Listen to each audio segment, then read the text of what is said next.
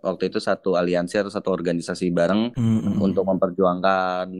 Dia punya banyak ide gitu punya banyak masukan. Terus terkadang masukannya dia juga eh, kalau gue pikir tuh eh, sebenarnya itu bukan sesuatu hal yang bermasalah sih kalau dari gue karena Hmm. em, jadi sebenarnya emang waktu kemarin tuh udah kita udah sempat majuin dan eh, ada beberapa pertimbangan. Akhirnya ayo udahlah jadi komunitas dulu aja gitu sih. Hmm. dari gue sih tanggapannya eh, cukup sulit ya sebenarnya kalau gue pikir. Enggak sih bukan cukup sulit.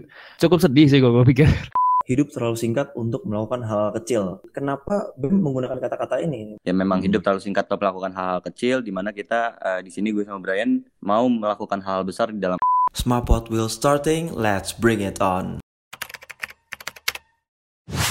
Alright, selamat jumpa para pendengar Smapot Senat Mahasiswa Podcast. Officially Senat Mahasiswa Universitas Katolik Parahyangan Bandung. Di mana pun kalian berada, semoga tetap sehat dan baik-baik saja. Meski dunia saat ini ya sedang tidak baik-baik saja. Bersama gue Efrem dari Komisi 3 Senat Mahasiswa bakal nemenin kalian selama beberapa waktu ke depan. Anyway, tanggal 23 Januari yang lalu ada pelantikan pengurus Persatuan Mahasiswa periode 2021 nih. Dan kali ini gue mau ngobrol-ngobrol sama dua orang yang juga dilantik menjadi ketua dan wakil ketua lembaga eksekutif mahasiswa Unpar. Oke, langsung aja kita sapa orang-orangnya nih. Pertama ada ketua Badan Eksekutif Mahasiswa periode 2021, Tafarel Giovanni Montero. Selamat malam Tafarel. Selamat malam Wis, dari teman-teman senat mahasiswa dan teman-teman mahasiswa. Shalom, Om Swastiastu, sehat semua. Oke, mantap. Sehat-sehat. Lu gimana nih kabarnya? Baik, baik, baik. Oi, mantap. Eh, nama lu kalau gue liat-liat kayak orang Eropa nih, Rel. Montero. Nih, sorry tuh saya, apakah lu ada campuran bule atau gimana nih? Oh iya, gue emang ada blasterannya gitu. Cuman emang Uh, eh, dari sisi nyokap gue sendiri Hmm. itu memang asli dari Jakarta. hmm, Ada Manadonya juga. Nah dari Oh, Manado. itu eh, dari Swiss gitu. hmm, oke, oke. Keren juga nama lu kayak ada Eropa-Eropanya gitu, cuy. Lalu yang selanjutnya nih, ada Wakil Ketua Badan Eksekutif Mahasiswa periode 2021, Ferdinandus Brian. Selamat malam, Bray. Waduh, ini gue Yo. Bray aja nih. Nih, sorry, sorry, ini mau dipanggil apa nih? Brian, Brian, Bri, Bray? Gimana nih? Eh, bebas sih sebenarnya gue panggilannya cukup banyak ya kalau panggil Oh, Brian. gitu, gitu. juga gak masalah sih gue sebenarnya Oke, gue takut so asik aja ini gue apa nih bray-bray aja. Oke, Bri. Sehat-sehat, Bri. sehat-sehat malam ya sehat juga buat saat mahasiswa dan teman-teman sekalian ya Oke, sehat-sehat. Mantap. Nah, oke, Brian dan Tafarel. Kalian berdua ini kan asalnya berbeda nih ya. Tafarel tuh di Jakarta tinggalnya Rel ya? Betul. Ah, kalau Brian itu di Bandung. Betul, Iya, benar Oke, banget. nah, sejak kapan kalian mulai akrab nih kira-kira? Mau Tafarel dulu atau Brian dulu boleh? Boleh boleh dari gue dulu mungkin ya. Jadi oke. sebenarnya memang eh, di kelas itu di dalam administrasi bisnis, gue sama Hmm. Brian itu aktif gitu di kelas dan kita emang suka bertukar pikiran juga di dalam Hmm. pelajaran mata kuliah gitu dan akhirnya kita eh, pandemi COVID-19 ya udah terus kita juga waktu itu satu aliansi atau satu organisasi bareng Hmm, untuk memperjuangkan eh, UKT mungkin ya kalau teman-teman tahu itu waktu itu namanya Oh. Organisasinya Aliansi Mahasiswa Kampus Humanum. Nah di situ gue ditemani juga sama Brian kayak gitu ya. Udah di situ makin akrab terus kita ngomongin gimana kalau kita eh, lanjut aja nih Brian jadi BEM gitu. Tapi waktu itu mendadak juga gue ngomongnya ke Brian kayak gitu. Oh, jadi memang sejak di Unpar di administrasi bisnis ya baru kenal Brian nih. Iya betul. Oke, kalau dari Brian sendiri juga sama nih. Atau sebelum masuk Unpar lu udah pernah tahu Tafarel tuh yang mana tuh? Eh, gue tahu Farel itu sebenarnya waktu siap visip ya salah. Karena kita ada Hmm. bakdes nih. Hmm, Nah, gue gue eh, berjumpa dengan orang yang eh, aktif sih waktu ber waktu itu Hmm. waktu apa sih siap visip. Nah waktu dia siap visip itu gue inget banget rambut Farel tuh masih dicat-cat aneh-aneh lah gue pikir. Gue pikir kayak Oke, oke, oke. oke ini orang ini orang aktif juga nih gue pikir. Gitu. Oke, oke, oke. Nah sejak Jadi- itu gue kenal Hmm. Farel. Cuman eh, mungkin lebih deketnya sih udah gue tahu juga sama sih dari kelas sih sebenarnya dari kelas. Hmm. Terus berhubungan pas kebetulan juga organisasi yang Farel ikutin sama gue ini eh, saling berhubungan gitu. Jadi gue bisa langsung kenal juga sama orangnya gitu. Dan waktu di kelas juga gue sempet eh, ya dibilang bertukar pikiran juga sih sama Farel gitu sih. Hmm, oke Oke. Jadi mulai kenal emang dari kegiatan-kegiatan eksternal terus juga kegiatan-kegiatan dalam kelas gitu ya. Jadi udah mulai bonding nih sejak sejak awal gitu kan ya. Iya Nah, betul. Oke, pertama untuk Tafaral dulu nih. Rel secara garis besar nih, Brian yang lu kenal itu seperti apa sih? Ada sisi nyebelinnya nggak nih kalau boleh tahu nih? Brian ya, kalau Brian itu secara garis besar eh, dia itu memang orangnya hati-hati banget. Itu yang Hmm. gua sukanya sih dari Brian. Jadi setiap keputusan yang mau dibuat apa dia tuh hati-hati kayak nanya pendapat orang lain dulu, pertimbangan dari data-data yang ada kayak gitu itu yang gue suka juga. Terus Hmm. Brian itu juga orangnya sifat leader leadershipnya juga kuat banget. Terus Pak, Hmm. kalau dari sisi nyebelinnya ya, nyebelinnya sih mungkin eh, apa ya? Nggak ada sih belum sampai sampai sekarang belum belum nemu sih Hmm. sifat nyebelinnya. Mungkin Brian dikali banyak nih sifat nyebelinnya gue. Oke, Oke, lanjut ke Brian ya. Brian, kira-kira nih sejauh yang lu kenal Tafarel tuh seperti apa nih orangnya nih?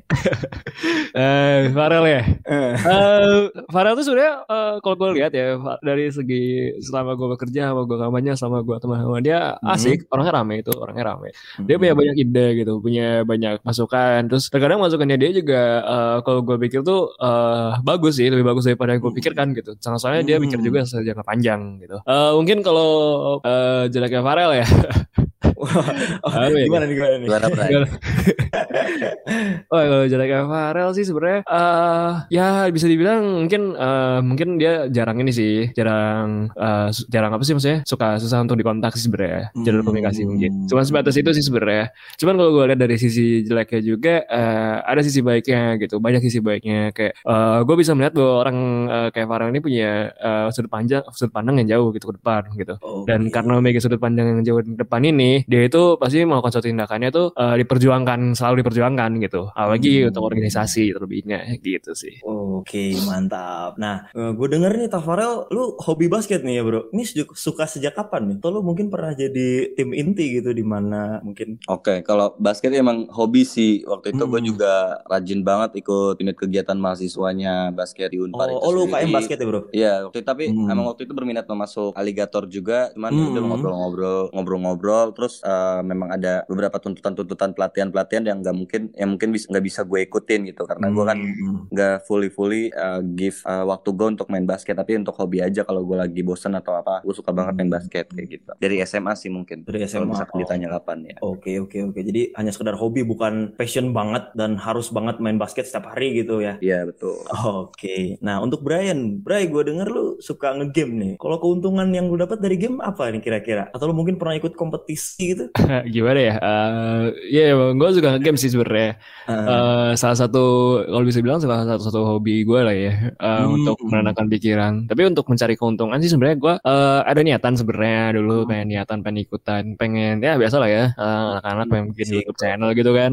Hmm. Terus eh, untuk ikut kompetisi sih sebenarnya gue enggak sih belum karena eh, gue nggak menjalankan profesi gue untuk bermain game sebatas untuk apa ya untuk ngikutin kompetisi sih cuma sebagai hobi aja have fun aja sama teman gue Hmm. gitu sih. Oke, jadi dari Tafarel itu basket dan dari Brian itu kesukaannya ngegame itu emang bukan sungguh-sungguh oh, ibaratnya hidup untuk itu. Jadi itu cuma ya sekadar hobi dan untuk melepas kepenatan gitu aja ya. Bener banget. Betul. Oke. Bisa Gak bisa dibilang. gak bisa makan gue kalau main. Waduh. Oke oke oke. Waduh, ini beda lagi nih konteksnya nih. Oke oke. Kalau Nah, gue mungkin hobinya nongkrong, kalau bisa dibilang hobi. Oh gitu. Kalau boleh milih basket dan nongkrong, lebih prefer mana bro? Nongkrong lah, gue suka banget uh, sosialisasi gitu kan sama teman-teman di coffee shop. gitu. Hmm, Oke oke. Nah untuk Farel lagi nih, konon lu pernah mendapat juara dalam business case competition. Ini diadakan di mana bro? Waktu itu di Bali di Universitas, Bali. eh, sorry di Politeknik Negeri Bali. Hmm, nah ini bisa diceritakan sedikit nggak pengalaman tiga lu waktu itu. mengikuti lomba itu tuh? Boleh boleh. Jadi uh, waktu itu emang gue ada dibagi jadi tiga tim dan tiga tim Hmm. itu sebenarnya teman teman satu tongkrongan juga emang setiap hari Hmm. kita kita Oke, nongkrong oke. mulu gitu kan namanya ada dari bisnis juga ketiga tiganya ya udah dari situ kita eh apa ya sering ngikutin lomba. Bukan bisnis case doang sih. Kita waktu itu pernah Hmm. ngikutin lomba bisnis plan juga. Pernah jadi jadi best Hmm. speaker pernah best poster gitu. Dan ke Surabaya waktu itu ke Tangerang Hmm. ke UMN ya udah emang eh, jatuhnya sama tiga orang itu lagi. Dan eh gimana ya waktu itu prosesnya sebenarnya simple sih. Kita gara-gara suka punya ide bisnis apa terus kita bikin proposalnya kita lombain kita daftar. Terus waktu itu ada yang baru nih bisnis case. Ada permasalahan perusahaan dari cicil unpar.co.id Mm-mm. ya udah kita kita cari solusinya lalu eh, akhirnya masuk ke finalis ya udah akhirnya diundang buat ke Bali buat presentasi di sana ya udah akhirnya kita ngajuin proposal dan anggaran ke kampus ya udah terus kita langsung bisa berangkat ke sana gitu Mantap, perwakilan dari administrasi bisnis Unpar gitu ya. ya dibayarin full 100% Hmm, wih, mantap. Oke, nah untuk Brian nih, Bray, lu katanya pernah menjadi badan pengawas dalam koperasi keluarga besar mahasiswa. Nah, yang mau gue tanya nih, koperasi bernaung di bawah nama apa ya? Atau ini punya Unpar atau gimana sih? Oke, eh, sebenarnya kalau dibilang punya bernaung di bawah Unpar, ya kita sebenarnya sem- jatuhnya komunitas sih sebenarnya dari koperasi ini. Kita tuh udah ngajuin untuk menjadi UKM waktu itu. Waktu itu sempat Oh. ngajuin jadi UKM karena eh, kita ber kita kan punya bisnis nih, bisnis kita kan di tempat di koop ya, koop coffee kalau pada tahu juga. Itu bisnisnya punya KBM sebenarnya. Nah untuk KKBM sendiri sih sebenarnya waktu itu didirikan juga eh, dari pihak rektorat tahun 2013 kalau salah. Dari itu, jadi memang dari 2013 tuh didirikan gitu. Dan ya memang eh, kalau misalkan sedikit ini sih sebenarnya KKBM ya Unpar ini sebenarnya suatu, salah satu pemantik eh, terjadinya kooperasi di eh, universitas gitu. Karena Hmm. jadi kooperasi pertama di universitas itu lahirnya tuh dari KKBM sendiri gitu. KBM. Oke, oke, oke, oke. Hmm, jadi memang sebenarnya me- ini adalah organisasi buatan Unpar gitu kan ya. Iya benar banget. Tapi belum jadi UKM nih sampai sekarang. Nah itu belum tuh. Jadi sebenarnya emang waktu kemarin tuh udah kita udah sempat majuin dan eh, ada beberapa pertimbangan akhirnya ya udahlah jadi komunitas dulu aja gitu sih. Hmm. Sempat majuin untuk men- untuk mengasah kemampuan eh, mahasiswa juga tentunya dalam bidang bisnis. Kan gue tahu ya, karena Hmm. Unpar sendiri kan banyak tuh yang pengen punya bisnis kan. Apalagi bisnis kopi banget ya. Kopi kan udah kayak Iya, di mana-mana banyak ya. gitu kan, mudah banget gitu. Oh, oke oke oke. Nah, kalian berdua nih dari fakultas dan prodi yang sama, fakultas ilmu ad- eh, sosial dan ilmu politik, prodi administrasi bisnis. Kalau boleh tahu nih, kenapa mau masuk ke administrasi bisnis? Mau dari Tafarel dulu atau Brian dulu mungkin? boleh dari gue dulu ya Oke Kalau oke. kenapa alasannya mau masuk administrasi bisnis memang pertama itu hmm, gue melihat diri gue ke depan itu sebagai businessman sih untuk sebagai Hmm, mungkin hmm, penunjang finansial atau secara ekonomi meja kan kalau kayak ibaratnya kayak orang itu harus punya empat eh, penunjang nih kayak kayak meja ada empat kaki salah Hmm. satunya mungkin dari bisnis gitu walaupun gue Oh, suka oke. Berpolitik entah mungkin gue menjadi poli- politisi atau bukan tapi eh, salah salah satunya gue suka banget dalam berbisnis dan hmm. Eh, dari situ juga gue makanya suka ngitung juga ya udah akhirnya gue daftar lah eh, di administrasi bisnis Unpar waktu itu. Oke. Dan kenapa lu milih Unpar? Kenapa milih Unpar? Karena waktu itu tuh eh, jalur jalur yang diterima di Unpar gitu kayak apa namanya tuh Hmm. kalau tanpa ujian gue lupa. Itulah pokoknya. Oh, Oke oke oke. Eh, ya udah terus gue dapet nih dari un- undangan dari Unpar oh ya udah langsung gue terima aja gitu. Hmm. Dari SMA gue waktu itu kayak gitu. Oke. Kalau dari Brian sendiri gimana nih, Bri? Ada alasan gak nih kenapa lu mau masuk administrasi bisnis? Eh, gue sebenarnya dari dulu sih gue nggak pengen suka di sebenarnya. Hmm, hmm. Gue Terus? tuh sebenarnya eh, lebih tertarik dengan eh, politik ya. Gue pikir gue lebih suka politik sama gue lebih suka eh, mengkaji apa ya psikologi orang lah. Gue lebih suka bersosialisasi. Gue dulu sempat pengen masuk psikolog, sempat pengen masuk HI, nggak hukum sebenarnya. Oh. Cuman dilihat dari sisi kayak yang gue ngecek kan kayak oh ini gue kalau misalnya masuk ke psikolog atau misalnya gue masuk yang lain ya, ke depannya gimana nih? Gue mikir untuk ke depannya karena gue mikir untuk ke depannya dan gue melihat bahwa eh, administrasi bisnis eh, lagi bagus di Unpar dan eh, lumayan gitu jadinya jatuhnya walaupun itu. Dan gue melihat lanjutan S2-nya juga lumayan gitu. Jadi ya eh, ya udah gitu. Gue milih administrasi bisnis di Unpar gitu sih. Oke, secara sus- spesifik nih, kenapa lu milih Unpar? Padahal di univ lain tuh banyak juga kan, FISIP dan administrasi bisnis gitu. Eh banyak sih sebenarnya, cuman eh, kenapa gue milih Unparnya itu terlebih lagi, eh ya cici gue lulusan Unpar sih sebenarnya, jadi gue udah tahu kan Unpar itu seperti apa gitu. Walaupun sebenarnya gue pengennya sih masuknya ke Prasmul, kalau nggak eh, ya kalau nggak misalnya masuk Prasmul sebenarnya gue. Hmm. Cuman gue melihat bahwa eh, ya udahlah gue stay di Bandung dulu aja, kuliah di Bandung yang bener, baru gue ambil S2 di tempat lain gitu Oh, sih. yes. oke oke oke. Nah, masih so menyangkut soal prodi nih. Kira-kira cita-cita waktu kalian kecil tuh apa sih? Masih nyambung gak nih sama fokus studi yang kalian jalani sekarang nih? Oke, mungkin Brian dulu gimana, Brian? Eh kalau gue jauh ya, jauh banget sih. jauh banget. Gue sempat dulu gue dulu tuh uh, bodoh uh, lucu gue adalah gue dulu tuh melihat bahwa ajar kayaknya keren nih kalau misalnya gue jadi tentara. Gue pengen jadi tentara oh, dulu oke oke oke gue pengen jadi tentara dulu. Terus gue pikir kayak semenjak gue paling besar gue kayak yang wah kayaknya nggak mungkin deh gue tentara. Beda beda jauh banget deh gue pikir jadi ya udah dah gue pikir uh, gue ambil haluan gue udah lagi kembali ke jalur bisnis gitu. Karena gue melihat peluangnya banyak juga gitu besar gitu. Oke oh, oke okay, okay. dari Tafarel sendiri gimana Rel? Oke, okay, kalau dari gue masih sesuai sih emang gue uh, hmm. karena bokap gue juga bisnismen terus ya udah gue hmm, hmm. mau hmm. banget gitu jadi sosok seorang bisnismen yang berusaha untuk uh, ibaratnya building apa ya uh, passionnya dia sendiri kayak gitu. Hmm, jadi um, lu kayak semacam mau meneruskan juga nih passion yang ada di bokap lu nih gitu. Iya mungkin bisa dibilang kayak gitu. Hmm, oke okay, oke okay, oke. Okay. Nah uh, kita nih sekarang uh, ada dalam kepengurusan persatuan mahasiswa di masa pandemi ini dengan catatan gak ada aktivitas fisik seperti biasanya. Oke, Tafarel Brian, gimana tanggapan kalian sebagai ketua dan wakil ketua Badan Eksekutif Mahasiswa Unpar yang menjabat di masa ini nih? Dari Tafarel atau Brian dulu mungkin? Silakan Brian, dari Brian dulu. Oke, uh, dari gue sih tanggapannya uh, cukup sulit ya sebenarnya kalau gue pikir. Enggak sih, bukan cukup sulit. Cukup sedih sih kalau gue pikir. gue sedih karena uh, semuanya kalau gue bilang jadi susah gitu komunikasi. Banyak informasi yang udah kadang gak sampai dengan kemarin mahasiswa gitu sebenarnya. Hmm. Cuman kalau misalkan tanggapan gue gitu sebagai wakil ketua BEM untuk masa jabatan ini ya gue udah prepare sih sebenarnya dari masa-masa sebelumnya dari tahun 2020 gue udah prepare akan hmm. hal-hal tersebut dan tentunya gue dan Farel juga pasti udah memiliki cara untuk menanggapi masalah-masalah yang ada sih untuk ke depannya hmm. gitu sih. Mantap. Oke dari Tafarel gimana Del?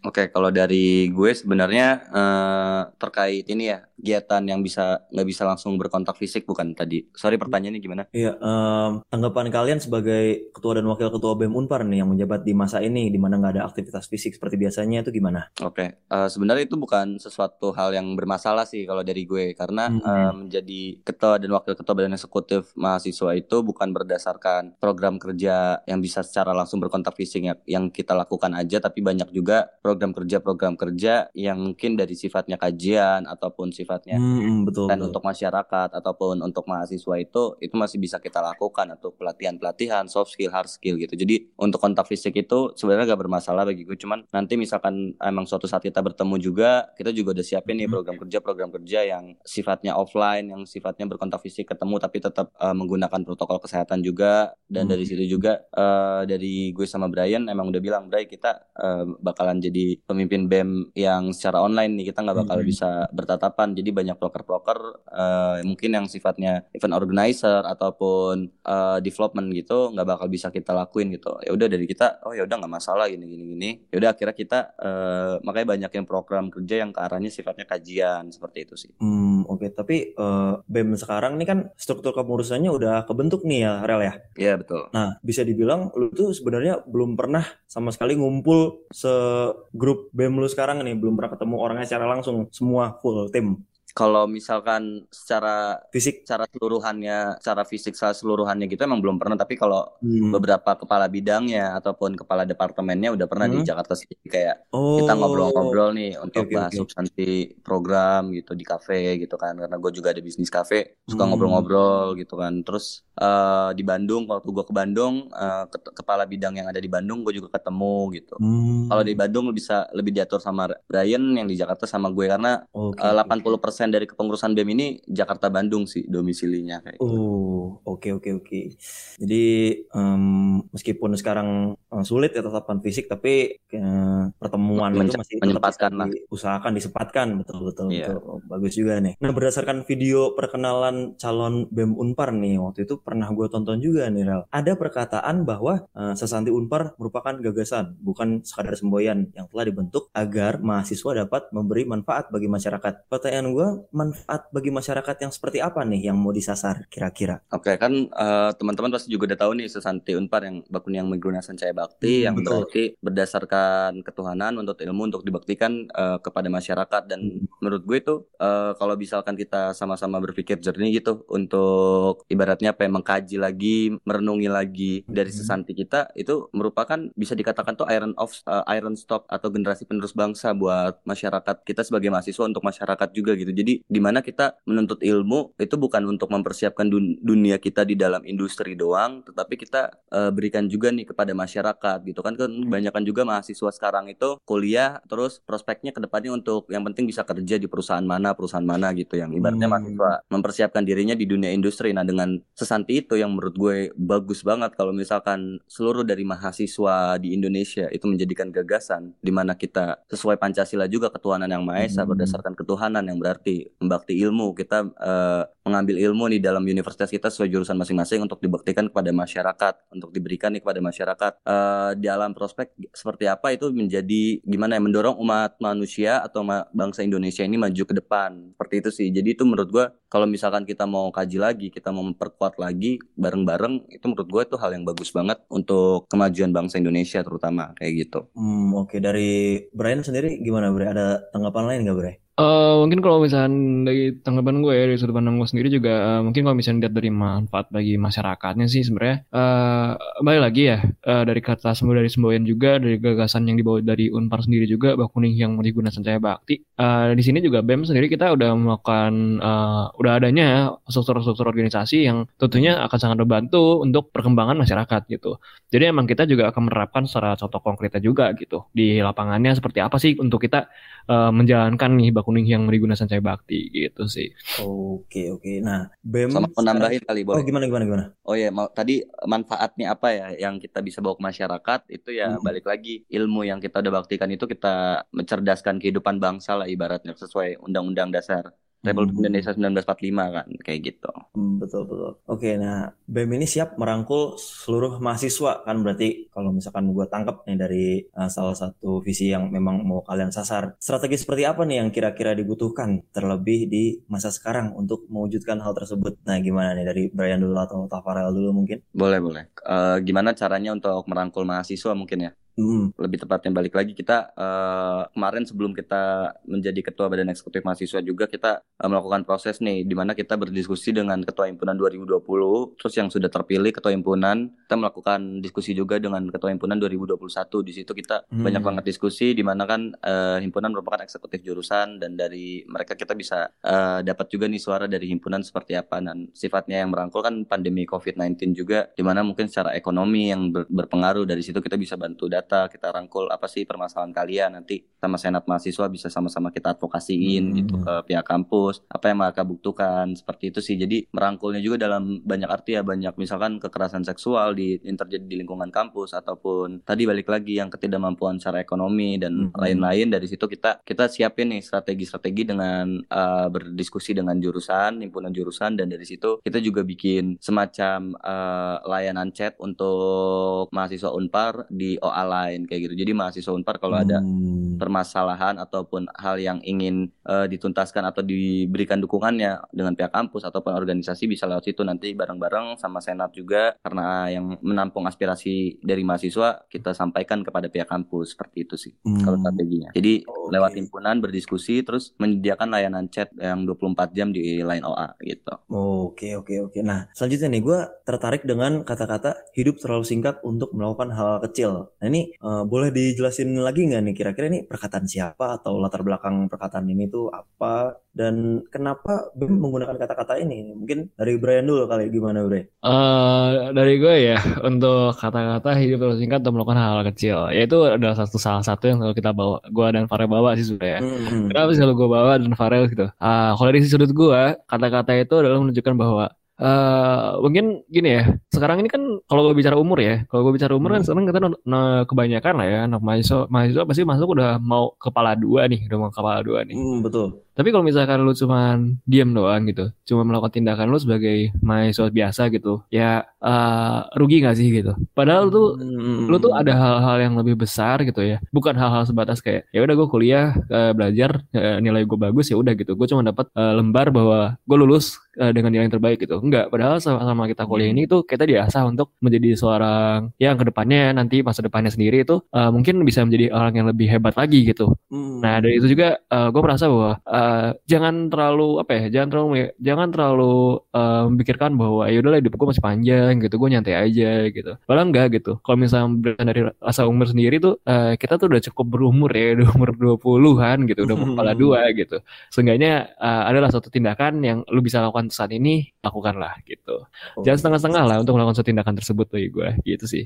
Oh, oke oke oke. Nah kalau dari Tafarel gimana nih Rel? Kalau dari gue itu lebih ke dalam individunya kita sebagai pemimpin atau sebagai organisasi sih di mana ya memang hmm. hidup terlalu singkat untuk melakukan hal-hal kecil di mana kita uh, di sini gue sama Brian mau melakukan hal, hal besar di dalam organisasi ini. Gimana caranya kita nggak fokus ke internal mulu gitu kan di dalam ruang lingkup kampus permasalahan-permasalahannya pergumulannya gitu. Tapi kita hmm. mau langsung eksplor juga secara eksternal. Gimana caranya nih kita badan eksekutif mahasiswa langsung bisa berdampak langsung ke masyarakat gitu. Sama seperti bem-bem pada umumnya juga gitu. Jadi di situlah uh, menurut gue kenapa hidup terlalu singkat melakukan hal, -hal kecil. Karena uh, balik lagi kalau misalkan BEM cuma gini-gini aja sayang gitu lebih hmm. baik uh, ada gue ini sama Brian uh, gue juga sama Brian mau menjadi pemantik untuk melakukan hal besar di dalam BEM yang kita akan bawa secara eksternal untuk masyarakat langsung gitu kan banyak tuh masyarakat-masyarakat di Bandung terutama yang sekarang hmm. juga lagi dalam uh, salah satu prioritas kita ya Taman Sari ataupun uh, kebanjiran seperti itu itu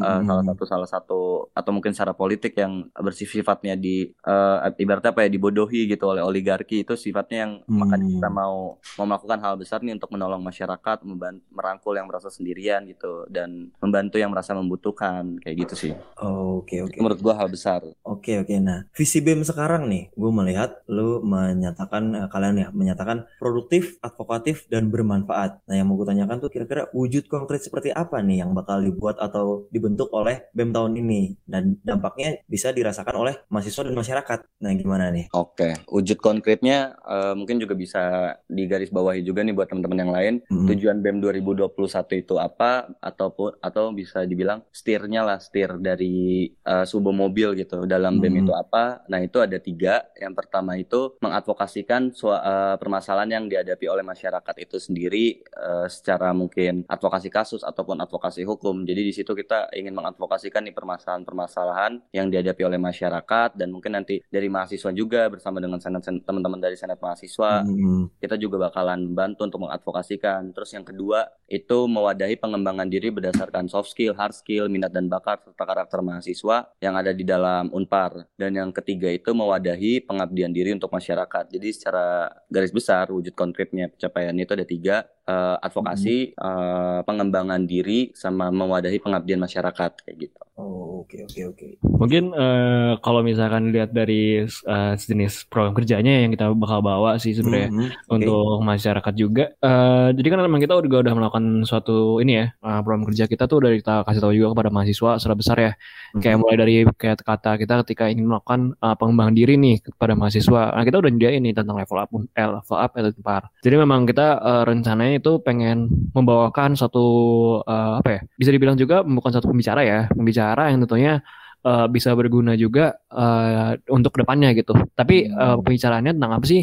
Uh, bicaranya tentunya bukan seputar tentang perkuliahan gitu, bukan masalah tentang pelajaran kuliah, tapi pelajaran untuk ke depannya itu kalian bakal kayak gimana sih gitu di dunia kerja itu kalian bakal kayak gimana sih? Apa nih yang lagi ada yang tren hari ini gitu? Apa sih ada permasalahan apa sih hari ini gitu? Nah untuk mungkin untuk wujud konkret secara advokatif juga uh, kita juga udah mulai mempersiapkan diri juga tentunya untuk uh, mulai memberikannya layanan ya waktu tadi juga Farel sempat menyinggung layanan ketika misalkan ada suatu tindakan contohnya pelecehan seksual gitu. Hmm. Mungkin ada yang ingin, ingin ada laporan untuk pelecehan seksual Nah kita udah sediain juga tempat platformnya gitu. Bermanfaat tentunya bermanfaat juga bagi masyarakat. Kita udah udah punya program kerja juga. Atau saya, nah itu juga Mungkin itu salah satu program uh, tahunan juga yang diadakan oleh dari BEM sendiri ya. Hmm. Program tahunan yang tentunya kita juga akan membantu gitu masyarakat-masyarakat secara keseluruhan. Membantunya seperti apa sih? Tentunya kita bisa kita juga ngasih bantuan mengenai edukasi kepada masyarakat gitu. Oh, oke okay, oke okay, oke. Okay. Nah, terakhir nih, harapan kalian untuk kinerja BEM selama setahun ke depan kira-kira apa nih? Dari Tafaral atau Brian dulu? Kalau dari gue harapannya untuk kinerja BEM ke depannya bisa dibilang hmm. kita balik lagi sesuai misi pasti produktif dan nanti juga uh, secara transparansi bertanggung jawab, efektif dan efisien seperti itu. Oke oke. Dari Brian gimana Brian? Uh, dari gue sih harapan untuk depannya mungkin nggak beda jauh juga dari Farah sebenarnya. Hmm. Uh, ya harapannya sih semuanya uh, terlaksana dengan baik ya. Mulai dari apa yang kita kampanye juga, apa yang kita ingin bawa kepada masyarakat gitu. Mulai dari visi misi sampai juga program kerja yang kita, akan kita bawa. Hmm, oke. Nah, untuk warga Unpar secara umum nih, entah dosen kah atau mahasiswa nah, pekarya dan semuanya ada uh, harapan nggak nih kira-kira di masa pandemi ini terutama dari kalian berdua nih? Harapannya untuk masyarakat Unpar lah bisa dikatakan ya. Mm -hmm. Untuk masyarakat Unpar uh, semoga kita bisa sama-sama aktif lagi dan bisa benar-benar juga bersama-sama kita wujudin uh, gagasan atau sesanti lah. Kalau di kita mungkin gagasan kalau di teman-teman sesanti Unpar bakun yang hmm. menggunakan saya bakti uh, didukung dulu gimana caranya dari internal yang pasti sehingga kita bisa melakukan eksternal ya harapannya gitu sih kita bisa didukung dapat memperoleh dukungan dari teman-teman sehingga apa yang kita lakukan juga dampaknya besar buat secara eksternal seperti itu dan tetap jaga kesehatannya juga hmm. di dalam hmm. pandemi COVID-19 sampai bertemu kalau kata Romo Hari di bulan Juni seperti itu. Oh, amin amin semoga bisa ya ada seenggaknya kesempatan lah kita bertemu fisik nih. Nah, dari Brian sendiri gimana nih, Bray? Uh, dari gua sih uh, sebenarnya ya harapannya juga uh, bagi masyarakat Unpar semuanya uh, bisa menjaga kesehatan sih untuk saat ini gitu. Kita tahu lah sebenarnya ini lagi masa pandemi, lagi masa susah juga. Harapannya sih sebenarnya uh, apa tindakan kita uh, bisa dilihat juga bahwa uh, untuk pengembangan juga harapannya untuk ada, ada pengembangan-pengembangan untuk masyarakat Unpar juga gitu. Ya jangan berdiri sendiri-sendiri lah gitu. Kita di sini hmm. kan ke masyarakat Unpar juga, seenggaknya kita bekerja bersama lah, saling membantu gitu sih. Nah, itu tadi gue udah bertanya-tanya soal hal-hal mengenai lu berdua secara khusus uh, menjadi ketua dan wakil ketua BEM yang akan mengurusi segala hal-hal yang berkaitan dengan lembaga di PM Unpar ini. Nah, selanjutnya nih sebelum gua menutup podcast ini ada empat pertanyaan brothers dari orang-orang yang tidak mau disebutkan identitasnya nih. Dua untuk Tafarel dan dua untuk Brian. Nah, ini mungkin pertanyaan yang cukup penting sih ini Bisa membantu kinerja BIM 5 sampai 10 tahun ke depan mungkin ya. Oke, ini dari yang pertama. Uh, Oke, okay, halo Kak Farel dan Kak Brian. Pertama-tama mau ngucapin congrats buat kalian yang sudah menjadi pemimpin BEM Unpar. Semoga amanah. Mau nanya ke Kak Farel, uh, apa nih yang memotivasi untuk cukur rambut? Waduh, rambut. Oh, lu waktu itu kan panjang ya, Rel? Ya? Iya. Kira apa nih motivasi lo untuk bercukur nih? Uh, ini aja sih, uh, biar gue bisa menjalankan organisasi ini juga dengan ibaratnya for formal juga hmm. ibaratnya kayak reborn lah kita oh mantap reborn oke okay. nah selanjutnya pertanyaan next hmm, nah mau nanya dong ke Kak Brian. Eh, Kak kalau boleh jujur milih mana nih? Game online dulu atau belajar dulu? Nah aduh ini pertanyaan Oris nih Bre sebenarnya Bre gimana Bre ngeri ya itu ini pertanyaannya. Ngeri ya gue jujur ngeri ya. Gimana gimana gimana Bre uh, Ya gue pasti uh, lebih fokuskan terlebih dahulu untuk belajar online sebenarnya. Hmm. Karena gue udah punya jadwal sendiri untuk main game. Untuk hmm. gue lebih fokus untuk untuk belajar dulu. Baru gue ya gue biasa subuh sih mainnya jam satuan gitu. Nah jam satu hmm. sampai seterusnya ya gue kalau misalnya mau have fun have fun aja gitu sih. Hmm. Jadi mengutamakan belajar dulu lah karena memang itu yang utamanya sekarang mesti dikejar dulu. Oh iya loh. Sebagai mahasiswa harus belajar dong. Betul. Oke okay, next. Um, ah ini agak formal nih. Yang terhormat, Saudara Tafarel Giovanni Montero. Kalau boleh memilih, lebih baik bekerja di depan layar atau di balik layar? Gimana nih, Ra? Oke, kalau boleh memilih lebih baik bekerja depan layar atau di balik layar, kalau gue adaptif sih bisa dua-duanya hmm. mau di balik di depan bisa di uh, di balik layar juga bisa, tapi cara seluruh gue lebih pilih tipe orang yang di di balik sih lebih tepatnya, hmm. lebih di balik layar gue juga suka, tapi di depan layar juga suka gimana ya jadinya ya. Jadi oke okay, aja nih posisi gue sekarang sebagai hmm. ketua badan eksekutif mahasiswa di depan layar gitu. Cuman kalau dari kalau dulu-dulu gue suka banget tuh bekerja juga di balik layar gitu. Hmm. Karena gue menjadi ketua badan eksekutif mahasiswa juga yang di mana juga uh, menjadi sosok pemimpin BEM lah di dalam Unpar ya. Gue harus siap mempersiapkan diri gue juga uh, di depan layar untuk sekarang. Hmm. hmm, hmm, hmm. Oke, okay, mantap. Nah, terakhir yang terhormat Saudara Ferdinandus Brian. Setelah lulus Unpar ada pikiran untuk buka warnet game nggak? Kalau iya boleh saya mendaftar jadi operatornya. Ini pertanyaan apa sih? Gimana ya, Bray? Astaga. Ini, ini gue cari gue pukulin juga nih orang ini. Apa sih? Gimana nih, Bro? Wah, gue kalau disuruh buka uh, warnet bingung juga ya. bukan passion gue ya kalau gue buka warnet sebenarnya. Oh. Ya emang kalau gue lihat, ya kalau gue lihat gue pikir-pikir enak juga gitu ya punya warnet gitu kan. Lu nyantuy ya, lu nyantuy sumpah lu nyantuy kalau Masukin di KKBM Bray bisa. oh, jadi ada modalnya gitu ya. Boleh itu. Boleh itu ide itu Rel. Diam-diam lu. Oke, oke, oke, oke. Jadi ada pikiran gak nih, Bro? Enggak sih, gue ada pikiran untuk buka warnet sih. Gue gak melihat itu ada sisi yang bisa gue bawa untuk jangka panjang. Balik lagi, gue balikin ke tadi gue bilang kan kayak eh ya gue mau makan apa gitu. Kalau gue buka itu gue mau makan apa sebenarnya gitu. Oke, oke, oke. Tuh, bagi yang bertanya, dengarkan jawabannya tegas. Tidak ada pikiran untuk buka warnet. Udah, jangan ditanya-tanya lagi. Ah, oke. So, para pendengar Semapot, jadi itulah beberapa hal yang kita tahu dari Tafarel dan Brian sebagai Ketua dan Wakil Ketua Badan Eksekutif Mahasiswa Unpar 2021. Kebermanfaatan yang hendak mereka kerja ini berguna bagi tentunya mahasiswa dan masyarakat. Sebab seperti spirit yang mereka anut bersama, hidup terlalu singkat untuk melakukan hal-hal kecil. Nah, bagaimana dengan spirit ini mereka bisa memberi dampak yang uh, sungguh-sungguh berguna dan bermanfaat bagi masyarakat terlebih secara umum. Meski sekarang ada di masa pandemi, aktivitas mahasiswa harus terus berlanjut terlebih uh, dapat membentuk kontribusi yang aktif dan tentu saja bermanfaat bagi orang banyak. Oke, Tafarel Brian, gua atas nama Senat Mahasiswa 2021 terkhusus Komisi 3 mau ngucapin makasih banget thanks a lot for your time. Semoga ke depan kita bisa membangun PM Unpar yang lebih baik lagi, lebih enjoy juga dalam relasi di dalam elemen PM-nya sendiri dan semoga bisa memberi teladan yang baik untuk generasi berikutnya ya, Bro. Amin amin dan okay. uh, semoga bu bukan semoga lagi harus tapi itu. mantap, mantap. Oh. Yuk, thank you juga ya buat kan mahasiswa yang udah meluangkan waktu juga nih buat bikin podcast nih. ya, untuk memperkenalkan gue dan Farel juga kepada mahasiswa yang lain gitu sih. Saya selalu sih buat masyarakat Unpar semuanya, hmm. tentunya buat saat mahasiswa dan teman-teman PM Unpar juga. Oke, okay, thank you. Alright, the podcast is ending. Let's take it off.